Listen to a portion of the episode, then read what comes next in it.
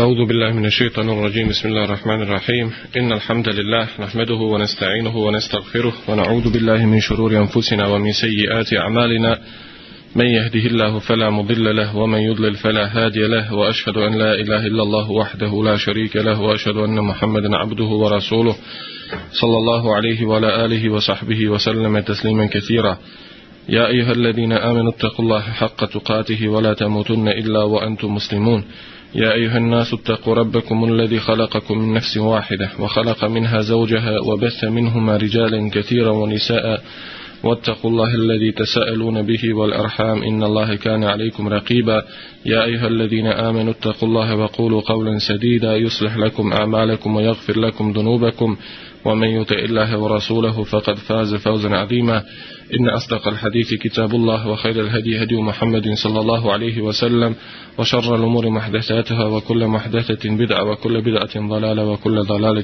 في النار أما بعد Nakon zahvali Allahu uzvišenom stvoritelju i nakon salavata i salama na poslanika Muhammeda sallallahu alaihi wasallam na poslanikovu časnu porodicu, njegove ashabe i sve one koji slijede čineći dobro do sudnjeg dana, kao što smo čuli večera se družimo sa jednom e, izuzetnom sa jednom izuzetnom temom e, koja je li tretira e, jedan imperativ ili jednu instituciju islamu koji su nekada čak neki stavili blizu e, islamskih šarta a naime radi se o nečemu što je šarijat propisao s ciljem očuvanja e, ummeta, ali unutarnji faktor je očuvanja ummeta, to je naređivanje dobra odvraćanja od zla ili institucija hisbeta, kako se to naziva u islamskoj terminologiji koja tretira ovo pitanje. Hisbet ili ihtisab, gdje smo prošli put govorili o bitnosti i potrebi ovoga, o tome da je Allah subhanahu wa ta'ala u Kur'ani Kerimu naredio e, muslimanima e, ovu obavezu je postavio uh, svima s tim da ona postaje nekima strogo obavezna. Znači, općenito gledano ona je fard kifaje, što znači ako bi e, svi muslimani izostavili i ne bi se e, pozabavili ili ne bi izvršili ovu obavezu, svi bi bili grešni, međutim ako bi to ispunio pojedinac ili grupa, onoliko znači koliko je dovoljno da se ispuni, onda bi jeli, e, grijeh spao sa svih ostali, odnosno ne bi bili grešni, ne bi jeli, e, bili zaslužni tog grija. I vidjeli smo da ta institucija hisbeta ili naređivanja dobra odvraćanja od zla bila je e, kroz historiju islama tretirana i čak na jednom državnom institucionalnom nivou gdje su bile određivane e, institucije koje će se baviti tim pitanjem pa je jeli, e, od toga i potekao taj naziv El Muhtesibul Muayyen ili određeni e, čovjek ili osoba koja će se baviti to, tim pitanjem koja će uticati na uh, e, otklanjanje onog što je loše, što je zlo u društvu, kako bi li društvo ostalo čvrsto i jako i zdravo i kako bi ljude jeli, nagovarao da čini hajr i dobro ono što je određeno i naređeno šerijatom. Međutim, ono što je nas više interesovalo prošli put i na što ćemo obratiti pažnju ovaj put jeste koje su to e, tačke ili koji su detalji bitni da bi e, ta institucija naređivanja dobra odvraćanja od zla bila uspješna i da bi polučila rezultate ili što je još bitnije da bi se izbjegle određene greške i pogreške koje često puta dovedu do suprotno od onoga što se želi postići samom tom institucijom jer ona nije naređena tek tako radi sebe nego ima je li te svoje ciljeve koje smo usput spomenuli a to jest je li očuvanje umeta zdravim i čvrstim i onog momenta ako se i ispuni ta obaveza, ali se ne postigne željeni cilj zbog greške u samoj toj instituciji, onda je li svakako se zaslužuje e, kritikovati i zaslužuje se reći onako kako treba biti. Pa smo prošli put spomenuli neke od tih tačaka i vidjeli smo na samom početku, jer ono što je najbitnije inače u svakom ibadetu, a tako sigurno i ovom, koji jeste jedan farz poput i ostalih farzova kao što je namaz i zekat, znači bitno je da se ispuni taj, e, ta dimenzija ihlasa ili iskrenosti u tom dijelu. Jer Kao što smo vidjeli, islamski učenjaci kada su tretirali ovo pitanje, mnogo su skretali pažnju na tu činjenicu da kada neko drugom govori kako treba da živi, kako treba da radi, čega, čega treba da se kloni, je li tada u, čo, u ljudskoj duši se pojavljuje taj osjećaj e, nadmoći ili superiornosti, e, što, što je svakako, je li može biti iskušenje, za takvu jednu dušu i zato da čovjek ne bi dolazio u takve situacije koje obično polučuju negativnim rezultatima, je li onda se mora obavezno povesti pitanje o ihlasu iskrenosti. Vidjeli smo također da jedna tačka na koju ukazuju islamski učenjaci prilikom naređivanja dobra ili odvraćanja od zla jeste da se čovjek kloni sumničenja da ne e, označava ljude kao onakve ili ovakve na osnovu nekih svojih sumnji ili misli koje se pojavile kod njeg bez činjenica, bez argumenata, jer kao što smo vidjeli, čovjek nekada iz određene stvari koja se uopšte ne mora protumačiti kao sumnjiva, on je protumači tako, a zatim na osnovu te svoje sumnje on izgradi jeli, još više e, tih nekih e, mašti koje poveže sa tim svim i na kraju to kod njega postane jedna činjenica ili stvarnost na osnovu koje on postupa prema ljudima i obhodi se prema njima u stvari u stvarnom životu od toga nema ništa jeli a, ono nema nikakvog utemeljenja također smo vidjeli da islamski učenjaci jeli ono što smo spomenuli prošli put ukazuju na opasnost uhođenja jer inače i Kur'an i Kerim i poslanik alihi salatu wasalam u svojim hadisima strogo zabranjuju muslimanima da uhode jedni druge i vidjeli smo da e, takva, e, takav jedan postupak u proceduri naređivanja dobra odvraćanja od zla jeste zabranjen i vidjeli smo divne primjere drugog halife poslije e, Ebu Bekra je došao Omer radi Allahu kao halifa i je li kako je on onda kada bi shvatio ili kada bi mu drugi ukazali da određena stvar se može protumačiti kao uhođenje Omer radi Allahu anhu se povlačio i čak onda i kada bi došao do određene negativne stvari, on ne bi jeli, e, postupio na način da to kazni ili sankcioniše zato što je pogriješio u samom postupku dolaz, dolazka do toga. Pa smo vidjeli jeli, primjer kada je preskočio u vrt od jednog a, ashaba jeli, za koje je kao čuo ili to je bilo u poslije jeli, e, u te generacije poslije kada je preskočio vrt, vrt jednog čovjeka i čuo jeli, da se pije alkohol pa je onda ga jeli, ovaj, ukorio da je došao e, preko zida, nije došao na vrata, da nije nazvao selam, da je došao bez njegovog izuna i tako dalje što svakako jeli, ukazuje da čovjek e, mora se toga kloniti. Zatim vidjeli smo da je osnova muslimana prema muslimanu da sakriva njegove mahane. Čak i onda kada vidi da čini određeni grijeh, jeli, on će upozoriti ili ukazati na to da ostane među njima, a nikako jeli, da to širi ili da iskoristi tu priliku kako bi ukazao na nečije negativne strane, na njegove negativne postupke i tako dalje, kako bi to raširio među ljudima, što svakako ako se desi ili ako e, razazna, e, objelodani tu njegovu mahanu ljudima onda će postići samo kontraefekat jer kao što smo rekli čovjek nekada i kada shvati E, da, da je pogriješio ako mi budemo uporni da ga osramotimo da jeli pokažemo kako je on mizeran kako je nebitan ili nekada se pojavi taj revolt kod njega i onda i odbije da prihvati savjet iako je on u stvari stvarno ubijeđen jeli, da, da je pogriješio da nije u redu i ono što smo zadnje spomenuli taj prošli put jeste pravilo koje kaže la la la la da nima štete niti međusobnog nanošenja štete o čemu ćemo jeli inšala ovaj put nešto više kazati jer prošli put smo spomenuli sa samo nešto, nešto ukratko e, o tome. Inače, e, ovo pravilo la darare vola dirar jeste hadis Allahovog poslanika, alihi salatu wasalam, koji on kazao, jeli koji se poslije kroz historiju Islama i kroz razvijanje islamskih nauka uh, utemeljio u svakoj islamskoj nauci i nećemo skoro naći jeli, e,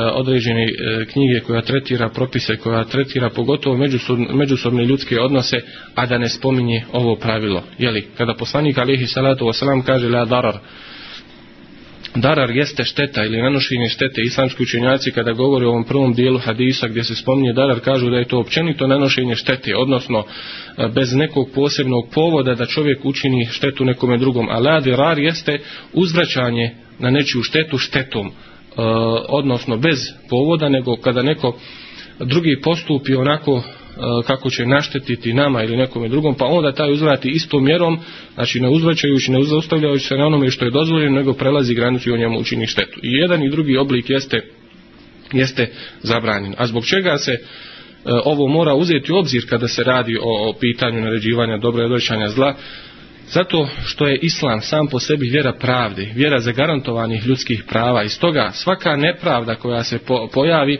najstrožnije se zabranjava u, zabranjava u šerijetu. I nepravda je li kada je u pitanju hispet ili kada je na, u, se radi o naređivanju dobra odvraćanja od zla i tako dalje, može imati više oblika i, i svakako da svaki od tih, ta, svaki taj oblik zaslužuje određenu kritiku i mora se na njega ukazati. Kao što je primjer radi, ako će čovjek naređivanjem dobra i odrećanje od zla ukloniti jedno zlo, ali će time biti naneštena, nanešena šteta o nekoj drugoj osobi ili samoj toj osobi, znači ukloniće to zlo, ali će se pojaviti jedno drugo. Zatim, ako će se prekršiti šarijetsko e, pravilo ili šarijetski propis, što je također šteta, e, i svakako se li na to na to mora u, ukazati. Iako je osnova i temelj da svako zlo i svako sve što je loše e, da se mora ukloniti. Međutim, to zlo i ta šteta se ne smije uh, uklanjati na taj način ili gdje će neko drugi uh, biti oštećen, gdje će nekom drugom biti uskraćena prava i tako dalje. I to kada poslanik alihi salatu wasalam ili kada nalazimo Kur'an i Kerimu da se zabranjuje da se drugom čini šteta ne znači da je li e, osoba u datom momentu e, po pitanju same nje je li kada se radi o određenom određenom tom postupku ukazivanja na dobro i odvraćanje e, na zlo, ako će se ta šteta vratiti na nju, a ne na neku drugu osobu. To ne, zna, ne znači da je to nešto manje zato što se to direktno ne spominje u hadisu, iako ima određene hadisa koji to tretiraju. Naprotiv, znači, kao što je zabranjeno osobi da se pojavi e, ta šteta nekoj drugoj, trećoj osobi također mora voditi brigu i o sebi. Mada, kada je po pitanju njega lično, e, nešto je propis jeli, blaži. Što znači da on u određenom momentu, ako misli da će e, njegov postupak njemu prouzrokovati određenu neugodnost i tako dalje, on se može strpiti, on to može podnijeti, ali samo po pitanju sebe. Međutim, kada se radi o nekome drugom, onda jeli, e, mora stati i mora znati da tuđa prava on nije taj koji može određivati da li će neko ustupiti svoje pravo ili neće ustupiti pravo. Jer nekada čovjek dođe e, u određenu situaciju gdje on reaguje i misli da je uradio dobar posao, super, sve ispalo. Međutim, to će se odraziti na neko drugo. Možda će taj kriminalac kojeg je on spriječio osvetiti se nekom drugom koji je ni kriv, jeli, e, ni dužan zbog toga što je on učinio. Znači, to se mora svakako svakako imati u vidu. Pogotovo, pogotovo ta šteta na nju se posebno stavlja akcenat ako će se vratiti na čovjekovu rodbinu, pogotovo njegove roditelje, njegovu porodicu i tako dalje, onda još više mora obratiti pažnju. I ovdje je bitno e, zato što islamski učenjaci to spominju, kaže zašto, zašto kažu porodicu i rodbinu, a onda jeli, poslije toga se ne spominje ništa drugo. Zato što e, njegova porodica, roditelji i supruga, djeca, jesu oni koji bi mu možda najprije mogli oprostiti zbog određenog ezijeta koji su pretripili jer njega radi. Međutim, ako se to zabranjuje radi njih koji bi mu mogli oprostiti, najprije da oproste onda je li po pitanju drugih, po pitanju drugih još više, jer čovjek mora paziti još više, mora imati te određene filtere gdje će on gledati šta, šta i kako da uradi. Bismillahirrahmanirrahim. Nastavljajući dalje govoriti o ovoj temi, dolazimo do sljedeće tačke koja je veoma bitna i koju ćemo naći ili spomenuti u e, islamskoj literaturi i kroz historiju islama i islamskih država koje su sve postojale, jer ovo je bilo veoma bitno zato što je ono, ono bilo ili faktor očuvanja e, te čvrstine umeta i prihvatanja da nisu sve jednaki i da postoji neko koje je različito, ko različito e, misli, razmišlja i tako dalje. Pogotovo danas u ovom vremenu kada imamo jeli, sva ova sredstva informiranja od e, radija, televizije, od interneta, od toga da se može pratiti ono što se dešava na internetu i preko mobilnog telefona i tako dalje. Kada se jeli, muslimani svugde u svijetu poznavaju sa drugim muslimanima, sa njihovim običajima, kulturama, načinima e, praktikovanja e, islama, upražnjavanja islama i tako dalje, naravno da se je li postavlja kod čovjeka pitanje otkud je li sve to i tako dalje. Inače, je, to je, je li tema sama za sebe. Ono što je bitno i što su napomenuli islamski učenjaci jeste da je islam respektovao različitost poimanja i razumijevanja, uvažavao različite nivova ljudskog razuma, je li u sferi svatanja i zato jeste šerijat u tome bio elastičan tako da je svako je li mogao naći, svaki zdrav razum mogao je naći sebe u ciljevima šarijata. I tako je ta islamska zemlja, ali kroz istoriju dugovijekova, vijekova, živjela njedreći sve te različite stavove, bila tolerantna, širokogrudna prema svakom uđtehidu, odnosno islamskom alimu i učenjaku koji je na osnovu kuranskih i hadijskih tekstova dolazio do određenih zaključaka koji su vodili ka propisima ili koji su opet praktično koristili muslimani u svom svakodnevnom vjerničkom životu. I znači sve to bilo tolerisano, naravno u onom jeli, e, okviru sve dok to ne bude odskakalo od kada kategoričkih tekstova bilo iz Kur'ana i Sunneta ili od konsenzusa islamskih učenjaka i tako dalje, naravno tada jeli, e, su reagovali. Ali što se tiče ostalog, jeli, ono ostaje. I zato je čuditi se jeli, kada neko pokušava izmijeniti nešto oko čega, je, oko čega je razum dao svoj stav ili čtihad dao svoj stav i naravno gdje postoji više mišljenja svako utemeljeno na određenim kuranskim dokazima i tako dalje prihvaćeno od jeli, islamskog ummeta i, i tako dalje i onda jeli, reagovati na takvo nešto naravno islamski učinjaci u okviru naređivanja dobro odvraćanja od zla nisu svrstali jeli, kao nešto što treba što je pozitivno i tako dalje a često puta jeli, nekada čovjek pročita određenu knjigu i stekne percepciju o određenoj stvari da je takva da je treba jeli, E, upozoriti na nju i tako dalje. Međutim, ako pogledamo dalje, ako pogledamo to more islamske literature koje je napisano, vidit ćemo jeli, da, da, da je e, uvijek bilo tih različitih mišljenja, različitih stavova i neko koje je jeli, bliže mu bilo ovo, neko kome je bliže bilo ono. Tako i za vrijeme čak samog Allahovog poslanika Muhammeda sallallahu alihi vaseljeme poznati primjer koji je svima nama dobro znan. Jeli, kada je poslanik poslao ashabe do Benu Kurejda i rekao da niko ne smije klanjati kindi dok ne dođe do Benu Kurejda.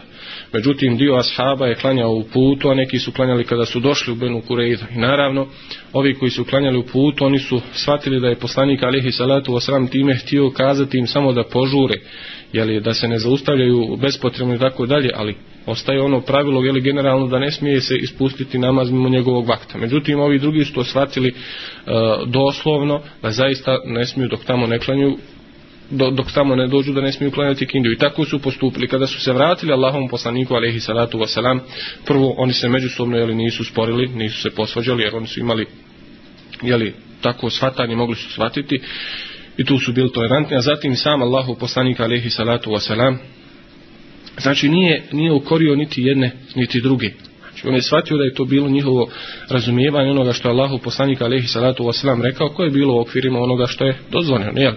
I znači toga je, toga je bilo za vrima sahaba. I primjeri pored ovoga su mnogobrojni. Primjeri recimo uh, jedne mesele koja će se, se često puta postavljati u samom Ramazanu, da li čovjek, jeli, kada je na putu, kada mu je dozvoljeno da jede, znači kada ne mora postiti, da li mu je bolje da posti ili da ne posti. Znači vidjet ćemo za vrijeme Allahovog poslanika da su ashabi na takvim putovanjima, kaže neki bi postili, neki ne bi postili. I kaže se u toj predaju Denesa, niti onaj što je postio nije pregovarao onome što ne posti i obratno. Znači to, to je bilo. Također, znači to je bitno imati na umu i ovdje. I znači, zato kažu islamski učenjaci da je uvjet uklanjanja e, lošeg, ono što, što neko smatra ili, e, ili što zaista jeste tako loše, znači da ono bude utvrđeno kao loše bez ičtihada, znači bez ljudskog mišljenja, da bez uh, islamskog e, stava koji su islamski učenjaci donijeli na osnovu jeli svoga ištihada ili svatanja određenih kuranskih tekstova, nego znači ono što je jasno poznato kao zabranjeno kod svih, gdje su oni uglavnom složili gdje ima ta, ta većina islamskih učenjaka i tako dalje. A što se tiče ostalih stvari, jeli onda onda one ostavi. To ćemo naći između ostalog, ili e, vidimo sada i Heolumu Dinu od Gazalije, također da to spominje isto Maverdi, Rahmetullahi Arihi, kada spominje recimo stav šafije i nekih učenjaka iz tog meseba kaže da kod njih imaju jeli, e, dva viđenja po pitanju da li će se jeli, opominjati oko stvari gdje se islamski učenja, učenjaci različili neće. Pa recimo jedan, jedno mišljenje jeste da će se opominjati uh, ali u slučaju da je taj koji opominje muđtehid, znači sam on je dostigao takav stepen u islamskoj nauci da on može na osnovu kuranskih tekstova i hadijskih tekstova i ostalih pravila koje se spominju u islamu donijeti stav po određenom pitanju. Znači on u tom slučaju može druge jeli, pozivati na ono što on vidi da je ispravno. Međutim, u drugom slučaju, ako osoba nije muđtehid, onda jeli, ne, ostaje, ne, ostaje, ne ostaje to. Znači, to, to ćemo vidjeti da me veli spominje. Slično nešto tome ćemo naći i od drugih islamskih učenjaka kao što je Bujala, kao što je Liza ibn Abduselam i tako dalje. Recimo iz Abduselam kaže između ostalog, ako vidimo da čovjek čini određeno djelo, i sam taj, sama ta osoba koja čini to djelo smatra to zabranjen, u tom slučaju ćemo ga opomenuti. Znači, ukazat ćemo na to. Međutim, ako ta osoba koja čini to djelo, znači smatra to dozvoljenim, zaista je postoji, znači u islamu koji je rekao da je dozvoljeno, onda kaže nema pravo jeli, da mu prigovori. Međutim, ako osoba radi, ne, ne zna jednostavno ni da li je dozvoljeno, nije dozvoljeno, onda u tom slučaju, znači nije opoljeno, nego je jedan, jedno upućivanje o čemu se u stvari radi i kako jeli, treba da postupi. Znači ovdje imamo jeli, ta, ta neka e, tri podjele. Kada osoba čini nešto i smatra da je to zabranjeno, kada čini nešto smatra dozvoljeno i kada čini ne zna je li ono ili ovo, znači kako se prenosi od Maverdija. Također se je li slično ili skoro isto u istom značenju prenosi od Ebu Jala, u, u njegovoj knjizi koja govori o ovome i tako dalje. Znači ovo, ovo je veoma bitno da se shvati, ali također ako recimo u stvarima oko, islam, oko koji se islamski učinjaci razlišli, nije dozvoljeno vjeri uh, taj hisbet ili el, amr bil maruf a nehan il munker, ali ostaje taj princip savjetovanja, međusobnog razgovora, dijaloga, znači gdje na osnovu jednog uh, pravilnog dijaloga koji islamski jeli E, postavljen sa principima koji su islamu zacrtani u dijalogu, onda čovjek razgovara o tim, o tim stvarima. Sljedeća stvar koju spominju islamski učenjaci po pitanju ovoga jeste blagost. Blagost za koju poslanik alejhi salatu ve selam kaže men yuhrimu rifqa yuhrimu al-khayra kullah ona ko, ko bude uskraćen blagosti uskraćen je svakog dobra uskraćen svakog dobra i znači to je jedno od najbitnijih obilježja svakog nas koji ima ovu dužnost ili kao što smo rekli onoliko koliko je u njegovom domenu ako ništa u njegovoj porodici i tako dalje znači e, princip blagosti jer to je ono što islamska ulema označava kao jedno od bitnih obilježa i prošli put smo spomenuli između ostalog i izjavu šef samim temije i kaže da onaj koji to čini mora biti okićen znanjem, blagošću i strpljenjem znači znanje, blagost i strpljenje jer zašto? Osoba jeli, uglavnom je zadovoljna sobom, svojim postupcima. I nije plaho rada da joj se jeli, govori kako je pogriješila, kako treba da bude, kako ne zna i tako dalje. I savjet je gorak u, u, u, jeli, u grlu onoga ko, ko se savjetuje. Jer kao što smo rekli, to on u izvjesnoj mjeri smatra sebi kao ocjenom da je neznalica, da ne zna šta, šta je radi, nego treba drugačije. I zato tu gorčinu koja se već pojavljuje kada on shvati da je pogriješio, ne treba još pojačavati, po, po, povećavati ili grubim nastupom i pristupom. Jer, kao što rekao smo, to naređivanje dobra i odrećenog zla nije samo po sebi cilj, nego je cilj da se ostvari jeli, taj boljitak, da se čovjek popravi, da, da, da ide nabolje i tako dalje. I onda, ako će naravno izostati taj cilj zbog grubosti, onda u tom slučaju se odbacuje ta grubost. Znači mora, mora se e, voditi o tome, tome pitanje. Zato poslanik alaihi salatu wasalam, e, jer je postavljen kao najbolji uzor u tome. I mi vidimo da Kur'an i Kerim ga upravo kao takvog i, i opisuje, obilježava. Kaže subhanahu wa ta'ala febima rahmeti min Allahi linte lahum. I Allahu o milosti kaže ti si bio blag prema njima. O leu kunte faddan galidal kalbi len faddu min havlik. A da si bio grub i osor, oni bi se svi razbježali oko tebe. Znači jasno se kaže šta je razlog pa bi jeli se eh, razbježala sabe oko Allahu poslanika grubost i osorost u jednom pristupu. I zato Allahu poslanik alihi salatu wasalam tim uh, Allahovim rahmetom i milošću upravo bio najbolji primjer tome što ćemo vidjeti iz mnogobrojnih hadisa koji se prenose od njega. Mi znamo jeli, da je poslanik Alihi Salatu Osram u svojim hadisima jasno ukazivao i preporučivao da se čovjek mora okititi blagošću. إن الله رفيق يحب الرفق ويؤتي على الرفق ما لا يؤتي على العنف وما لا يؤتي على ما سواه u jednoj predaji koja prenosi ima muslim gdje kaže poslanik alaihi salatu wasalam da je Allah blag i da voli blagost i da daje da čovjek postigne blagošću što neće postići grubošću ili što neće postići ničim drugim što jasno ukazuje na bitnost toga. Ili kaže u drugoj predaji in na rifqa la yakunu fi shay'in illa zanahu wa la yanzu minhu shay'in illa shane. Gdje god se nađe blagost, on uljepša tu stvar. Pored njene lepote, je li on još je više poveća tu ljepotu kao što je po primjer, primjer naređivanja dobro odrećanja zla. Kada nekoga savjetujemo, taj savjet sam po sebi lijep još dođe blagost, još više ga uljepša. A kada nema te blagosti, kaže se dalje u predaji, onda ta stvar postane ružna. I zato kažu islamski učenjaci, onaj koji žudi za Allahom i zadovoljstvom, za Allahom ljubavi, njegovoj nagradi na onome svijetu i tako dalje, u blagosti je izlaz. Jer sa njom se postiže ono što se ne može postići sa drugim, kao što kaže poslanik Alihi Salatu Osana. A opet, ako želiš i na dunjaluku da ti djela pred ljudima, očima ljudi budu lijepa, da budeš prihvaćen i tako dalje, opet, opet je blagost, blagost rješenje.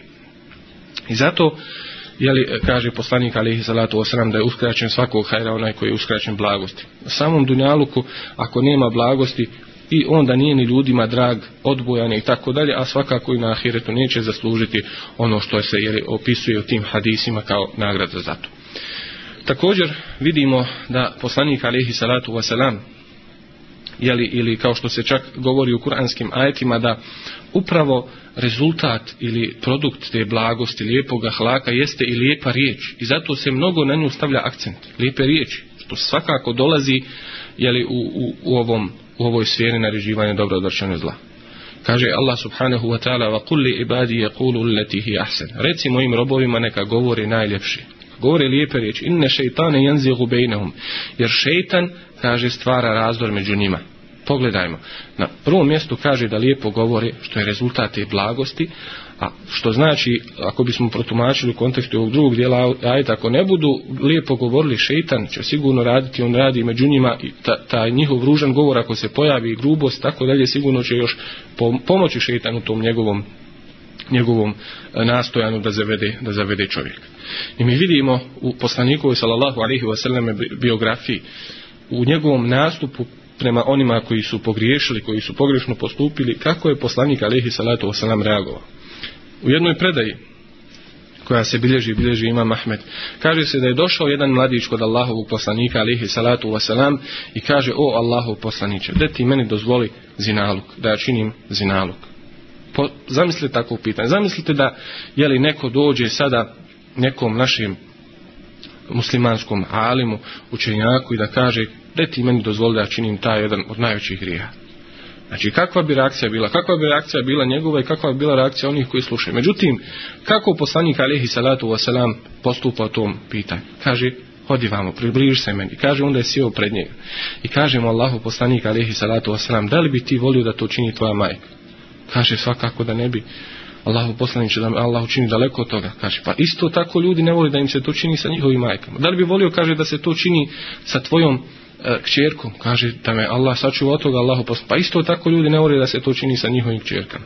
I u jednoj predaji jeli, koja govori o ovome, kaže se da Allahu poslanik alihi salatu osana stavio svoju ruku na njegova prsa, preslonio ruku, gdje, gdje još više pokazao tu svoju blagost, to svoje nastojanje, da mu želi dobro, da mu želi hajr i da to njegovo pitanje je pojasnio na jedan najbolji način.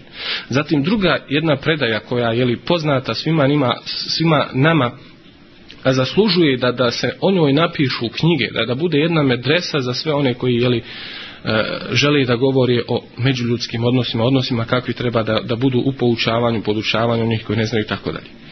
Kada dolazi, jeli, jedan beduin ulazi u mešćid u džami Allahovog poslanika, alaihi salatu wasalam, jedno od tri mjesta jeli, za, za koje se samo smije čovjek spremiti radi putovanja, mjesto gdje namaz vrijedi hiljadu kao hiljadu namaza u nekom drugom mjestu i tako dalje, dolazi on i vrši nuždu, jeli malu nuždu na, na, na sred mešćida. I naravno, sahabi su odmah reagovali, sahabi su skočili. Međutim, Allahu poslanik alaihi salatu wasalam kaže, ostavite ga. Ostavite ga. U nekim predajama se kaže da je pustio, jeli da završi.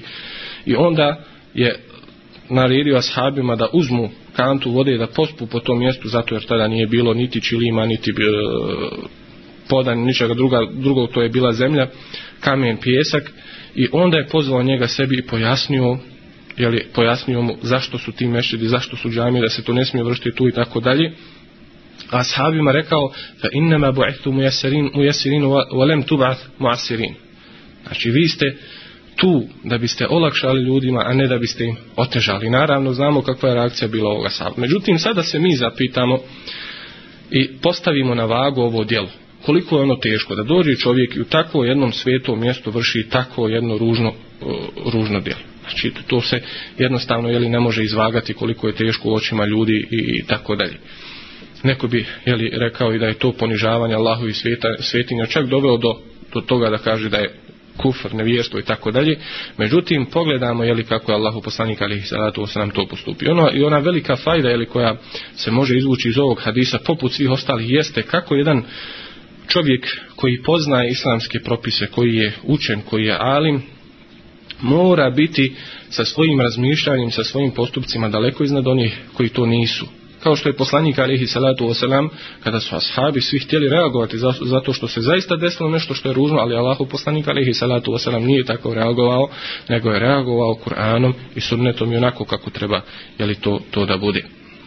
Pa onda, jeli, kao što se tiče i dalje o tom lijepom postupku, o lijepoj riječi kada Allah subhanahu wa ta'ala jeli govori e, wa qulu lahu qawlan layyina recite njemu lijepe riječi kada Musa i Harun budu poslani faraonu jednom od najvećih silnika koji za sebe tvrdio da je gospodar i tako dalje znači čisti kufr nevjerstvo ali opet kada Musa alejhi i Harun odlaze kod njega naređuje im se da, da mu lijepo govori da se lijepo njemu obrati i zato se prenosi jedna predaja kada je su došli neki ljudi kod Muna koji je tada bio halifa i počeli jeli, da ga kritikuju zbog njegovih postupaka, da galema na njega i kaže kaže polako smirite se, budite blagi, Allah je poslao one koji su bolji od vas, onome koji je gori od mene, pa je opet rekao fakula lehu qawlan layyina la'allahu yatadhakkaru aw yakhsha. Recite mu blage riječi, pa možda će se on je li osvijestiti, možda će se uh, pribojati, znači za sebe. Poslao je one koji su bolji od vas, kada je Mehmud rekao naravno Musa i Harun, bolji svakako od njih. Onome koji je gori od mene, gori od me Muna, znači faraon za kojeg smo rekli kakav je bio i za kojeg se zna kakav je bio. I opet je naređeno ili, da se ovako obrati, da ovako ga, govori. I naravno da čovjek ako ne bude blag u tim svojim nastupima, pa čak nekada i kada je blag u tim svojim nastupima, desit će se da mu neko odgovori na ovakav način, da kaže de ti polako, de ti za sebe, de ti ono, de ti ovo, znači ima tog nekog negativnog odgovora, ezijeta i vjerovatno je zbog toga uvijek je li kada se ispominje naređivanje dobro odvraćanje od zla, da se često puta spominje i sabur, strpljivost. Kao što kaže Allah subhanahu wa ta'ala, Ja bu ne jaqimi salate wa amur bil ma'ruf wa anha nil munkeri wasbir ala ma esabek inne dalike min azmil umur. Jeli, o sinko moj, ti obavljaj namaz, naređuje da se čini dobro odvraćaj od zla i budi strpljiv na onome što te zadesi, jer zaista su to velike i veoma bitne stvari. I zato, sabur jeste prijatelj blagosti, prijatelj, e, prijatelj smirenosti. To čovjek je li koji ovo čini, a kažemo da svako od nas u određenoj mjeri je obavezan e, ovim, treba da ima na umu.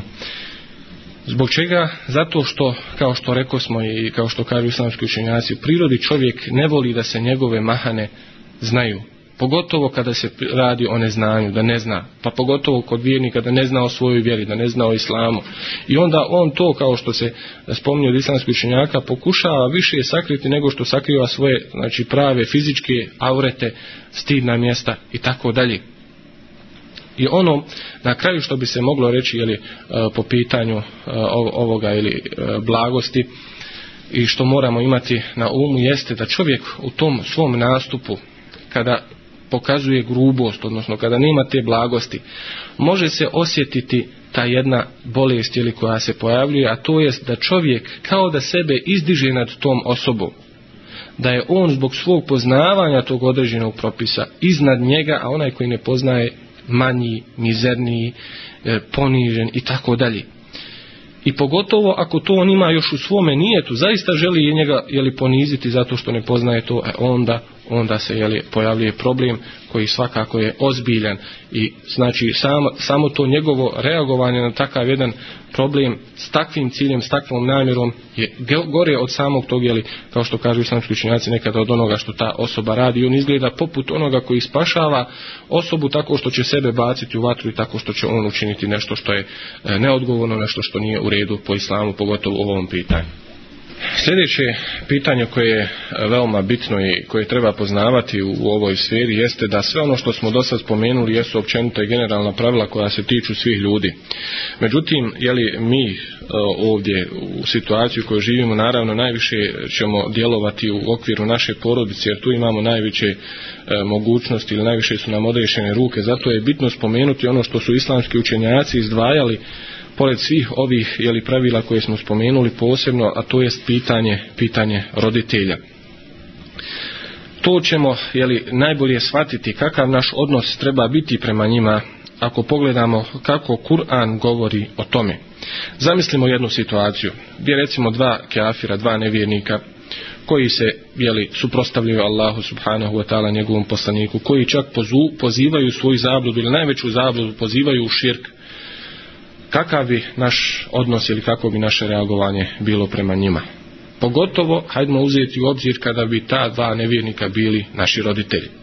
Znači, pozivaju nas u ono što je čista zabluda, ono što je suprotno skroz tevhidu i ono zbog čega jesmo stvoreni i zbog čega jesmo na ovome svijetu na dunjalu, a to je da samo Allahu robujemo njemu i badećinimu. Međutim, naši roditelji nas pozivaju na suprotno. Kakav će biti stav čovjeka prema njima? Da li će jeli, odbiti da ih posjećuje, da li će ih izolirati, da li ih više neće htjeti kontaktirati ni na, ko, ni na koji način, da li će se možda boriti protiv njih i tako dalje. I čovjek je li ovako gledajući bez poznavanja određenog bilo šta da od ovo kaže možda bi izgledalo logično zašto? zato kao što rekli smo teuhid je cilj zbog kojeg jesmo stvoreni zbog kojeg jesmo na dunjaluku i onda se javlja suprotno da nas neko poziva u ono što je čisti da da čista zabluda znači širk gdje čovjek vječno zaslužuje džehennem i tako dalje Međutim, Allah subhanahu wa ta'ala to spominje u Kur'ani Karimu, u ajetu gdje kaže wa in jahadaka ala an tushrika bima laysa laka bihi ilmun fala tuti'huma wa sahibhuma fi dunya ma'rufa a ako te oni budu nagovarali jahadak onaj koji poznaje arapski jezik zna šta znači džuhd zna šta znači trud zna šta znači ova riječ jahadak da ulažu trud u tvom odgovaranju ili nagovaranju kaže an tushrika bima laysa laka bihi ilm da mi pripisuješ kao sudruga da mi širk činiš ono o čemu ti nemaš znanja fela tu te ahma nemoj im se pokoriti znači ako te budu nagovarali da učiniš širk nemoj im se pokoriti wa sahibhuma fi dunya ma'rufa međutim u dunjaluku u svom odnosu prema njim međuljudskom ili odnosu lijepo se ponašaj ma'ruf znači ono što je dobro i ono i ono što je hajr I onda opet postavljamo pitanje. Koji je to munker? Koje je to zlo i, i, i loše veće od širka samoga? I pozivanje u to? I trud na tom putu i tako dalje? A opet, jeli, pogledajmo ovako ovaj postupak koji Allah subhanahu wa ta'ala naređuje. I to nije uzalud. To nije džaba. Zato što je Allah subhanahu wa ta'ala naše roditelje učinio sebebom ili razlogom našeg dolaska na ovaj svijet. Allah subhanahu wa ta'ala je taj koji daje život i smrt, ali je njih učinio sebebom. I zbog toga jesu mnogi kuranski ajeti i zbog toga jesu mnogi hadijski tekstovi koji ukazuju na bitnost toga. Mi znamo da Allah subhanahu wa ta'ala po pitanju roditelja kaže felate kul lahuma ufin, nemoj im reći ni uh. Wa qada rabbuka alla ta'budu illa iyyahu wa bil walidayni ihsana. Tvoj gospodar je naredio da samo njega obožavate i da svojim roditeljima ihsan činite, dobro činite. Znači odmah poslije ibadeta svrhe čovjekovog postojanja na dunjalku dolazi dobročinstvo prema roditeljima. Wa'budu Allaha wa la tushriku bihi shay'an wa bil walidayni ihsana. Allaha obožavajte, nemojte mu širka činiti i roditeljima dobro činiti. Zbog čega, kao što rekao smo, zato što su roditelji podnijeli mnogo truda i mnogo muke, prije svega dok smo došli na ovaj svijet, zatim dok su nas odgojili, dok su nas podigli na noge, što se kaže, dali nam hljeb u naše ruke.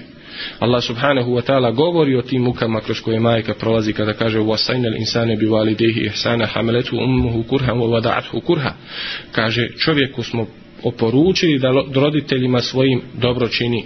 Njegova majka ga je sa tegobom nosila i sa tegobom, sa tegobom ga rodila. U hamluhu wa fisaluhu seratune šahra, a njegovo nošenje i dojenje traje 30 mjeseci. Ili kako kažu u drugom ajetu, وَوَصَيْنَ الْإِنسَانِ بِوَالِدَيْهِ حَمَلَتْهُ أُمُّهُ وَهْنِنَ عَلَى وَهْنِنُ وَفِسَالُهُ فِي عَمِينَ kaže čovjeku smo oporučili njegove roditelje odnosno da im čini dobro njegova majka ga je sa tegobom nosila i kaže dojenje dvije godine. I tako dalje. I onda drugi uh, drugi kuranski ajeti gdje se pored recimo zahvaljivanja Allahu subhanahu wa ta'ala odmah spominje zahvaljivanje roditeljima niškurljivo ali validejk zahvaljuj meni i svojim roditeljima zatim vidimo hadisa Allahovu poslanika alaihi salatu wasalam koji govori o njihovom velikom pravu i tako dalje zatim sam šarijat jeli kada se radi o roditeljima pored ostalih e, propisa koji važe za sve ljude roditelje izdvojio iz određenih propisa pa recimo po pitanju kada čovjek ubije čovjeka, mi znamo da slijedi po islamskom pravu kisas ili odmazda gdje je li e, izvršava se ista kazna kao što je on učinio. Međutim, kada se radi po pitanju roditelja, je li većina islamskih učenjaka smatra da ako bi roditelj ubio svoje dijete, znači da se on ne ubija zbog njega. Ako bi njegovi roditelji bili siromašni, dijete dužno i obavezno je li da vodi brigu o njima pa makar bili i nevjernici. Ako bi roditelj uzeo znači novac od sina, od djeteta, da on to ne zna, znači ne bi bio grešan, to mu se ne zabranjuje i tako dalje. I osta, ostala još jeli, e, pravila ili propisi koji se spominju, jedni su za druge, ali kada se radi o roditeljima druga je situacija. Pa pogledajmo Ibrahima alihi salama, za kojeg se zna da je njegov otac Azar, znači bio mušrik, idolopoklonik. Kada Allah subhanahu wa ta'ala kaže وَذْكُرْ فِي الْكِتَابِ إِبْرَاهِيمَ إِنَّهُ كَانَ سِدِّيقًا نَبِيًّا Kaže, spomeni u knjizi Ibrahima, doista on bio iskren i vjerovjesnik. إِذْ قَالَ لِأَبِيهِ يَا أَبَتِ لِمَ تَعْبُدُ مَا لَا يَسْمَعُ وَلَا يُبْسِرُ وَلَا يُغْنِ عَنْكَ شَيْعَ Kada reče, o babuka moj, ja ebeti, zašto obožavaš ono što ne čuje, što ne vidi i što ti ništa ne može pomoći? Ja ebeti inni kad džaeni minel ilmi malem jetike fettebi'ni ehdike siratan savija. O, o babo moj, došao, došlo mi je znanje koje tebi nije došlo i zato me slijedi da te uputim na pravi put. Ja ebeti la ta'budi šeitan, o babo moj, nemoj slijediti šeitana inne šeitane kane ler rahmani asija jer je šeitan milostivom nepokoran ja ebeti inni je hafu an je meseke adabu minar rahmani fe tekune li šeitani valija o babo moj ja se bojim da te ne zadesi kakva kazna od, mo, od milostivog pa da ne budeš šeitanu prijatelji drug u iskušenju znači u, u podnošenju te kazne kale eragibun ente an alihetija Ibrahimi čumo onda odgovor njegovog oca kaže zar si ti odbio je li da poslušnost mojim božanstvima o Ibrahime. Le illem tentehi le arđumennek. Ako ne prestaneš sa tim ili što govoriš, ja ću te kamenovati u ahđurni melija i ostavi me, kaže. Kloni se od mene. A onda opet slušamo odgovor Ibrahima, alihi salama. Kale selamun alik. Kaže, neka je spas sa tobom. Se estagfiru leke rabbi innehu kane bi hafija. Ja ću tražiti oprosta za tebe od moga gospodara, jer zaista je on prema meni milostiv. Znači vidimo ovdje na samome početku kako Ibrahim alihi selam na jedan lijep način prilazi svome roditelju. Ja ebeti, Opet kažem, ko poznaje arapski jezik zna da je to jeli, jedan blag izraz kojim se želi omekšati nečije srce. I svaki put, svakom ajetu kada napomni određene stvari, svaki put kaže ja ebeti. Nije samo znači na početku rekao o babo moj, onda stao nabrajati. Nego svaki put kada se želi obratiti, kaže o babo moj, o babo kamo i tako dalje. I onda, nakon što je završio, vidimo jedan grub odgovor od njegovog oca gdje kaže ako ne prestaneš to govoriti ja ću te kamenovati. Pazite, pazite takve neke kvalifikacije. Kaže i ostavim na miru klonci. Ali onda opet Ibrahim alihi selam govara neka je spas tobom. Neće li Allah dati pa da se on spasi. I opet kaže ja ću tražiti oprosta od moga gospodara za tebe. Pored takvog njegovog hala i njegovog takvog stanja. Naravno, ovdje Ibrahim alihi selam uh, jasno pokazao da je cilj i svrha toga što je on pozivao svoje roditelje upravo bilo da ih spasi. I zato jeste na kraju, nakon što je njegov otac ovako odgovorio, on opet bio blag, zato što mu i dalje to ostao cilj. A nekada kada je nekome cilj, je li jednostavno da kaže to što ima i da napravi poslije toga problem ako nije onako kako on hoće i kako on želi onda jeli se naljuti onda pođe svađa i onda recimo ne govori sa svojim roditeljima ja se sjećam kada nam je jedan naš profesor govorio kaže znao sam ljude koji nisu govorili s nekima zato što pije alkohol međutim kada se radilo o čovjeku koji ne, nije govorio sa svojim roditeljima znači oni su govorili i normalno postupao sa njim međutim ja nisam htio da kaže govorim sa njim Zašto? Zato što je, kaže, to veći grijeh od onoga zbog čega oni nisu govorili sa njim. Da ne govori sa svojim roditeljima. Osahighuma fi dunja ma'rufa. Čuli smo kuranski ajd gdje kaže, a u dunjaločkim stvarima se prema njima lijepo odnosi. Znači, lijepa riječ, lijep govor i tako dalje. I to je ono jeli, što također čovjek mora imati na umu kada se e, radi o pozivanju, o opominjanju i tako dalje. Da roditelji imaju posebnu pažnju kada se radi o islamu. Također sljedeće pravilo koje je bitno i sa njim ćemo inšala i završiti, a to jest da nemogućnost skida sa čovjeka obavezu.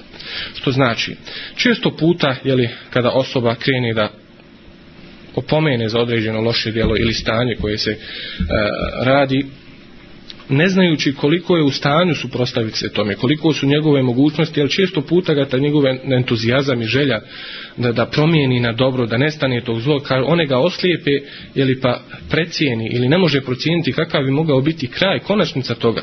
I, nažalost, nekada rezultat biva ili da sebe ili neke druge izloži opasnosti onome što ne može podnijeti iskušenjima koja nije u stanju uh, uh, podnijeti dok u isto stanje recimo možda neće samo to zlo ili to loše ni promijeniti možda će se čak i po, po, povećati.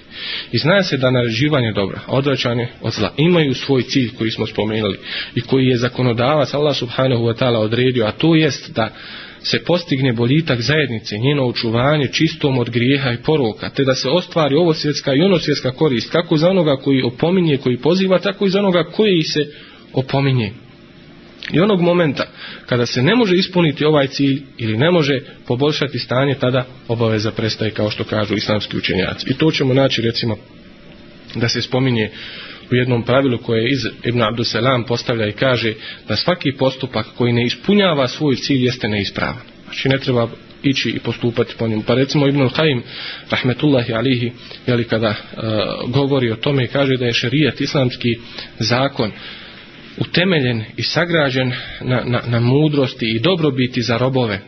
Znači, to je potpuna pravda i potpuna milost u svakom segmentu i, i u svakom pitanju. I onda, kada čovjek određenim postupkom prestaje biti pravedan e, ili ta, ta pravda prelazi u nepravdu, milost, u ono što je suprotno od toga, i masleha ili dobrobi za ljude prelazi u nešto što je šteta za njih što neće ispuniti svoj cilj kaže onda to u stvari i nije utemeljeno temeljeno šerijatom i zato islamski učenjaci kao što spominje Kurtubi rahmetullahi alihi e, i kažu da čovjek je li kada nije u stanju da nešto e, promijeni kada ne može ili Eh, kada se čak boji za sebi da će prouzročiti veću štetu, onda ta obaveza ispada sa njega i ne mora nikako ili sebe da eh, kori i da, da tišti zbog toga. I zato kažem na kraju, ja molim Allah subhanahu wa ta'ala da ono što smo rekli do sada, iako opet napominjem da ova tema nije u potpunosti istrpljena, da bi se o njoj moglo još govoriti i još to šta reći, ali nadamo se da u ove jeli, dvije emisije ili ova dva druženja koliko smo bili, uspjeli smo približiti ovo nama zato što kao što rekao smo, jeli, svi smo mi u nekoj mjeri dužni opominjati koliko možemo, koliko smo u stanju, ako ništa u našoj porodici, u našem komšiluku, u našem mjestu gdje živimo i tako dalje, one ljude koji zaista želi da nauče vjeru i tako e, da postanu pokorni Allahovi robovi i u tom segmentu dužni smo i da poznajemo šta i kako možemo, koje su granice koje ne smijemo prijeći, a koje su stvari koje smijemo činiti. Ja molim Allah subhanahu wa ta'ala da ovo zaista bude od koristi e, nama i da ovo što smo rekli pomogne nam u našem danjem cilju upravo kako bi zaista bilo faktor, unutarnji faktor očuvanja muslimana i njihove zajednice. Ja kulu kavli hada, wa astagfirullahi li volekum, fa astagfiruhu, innahu huva, rafuru, rahim.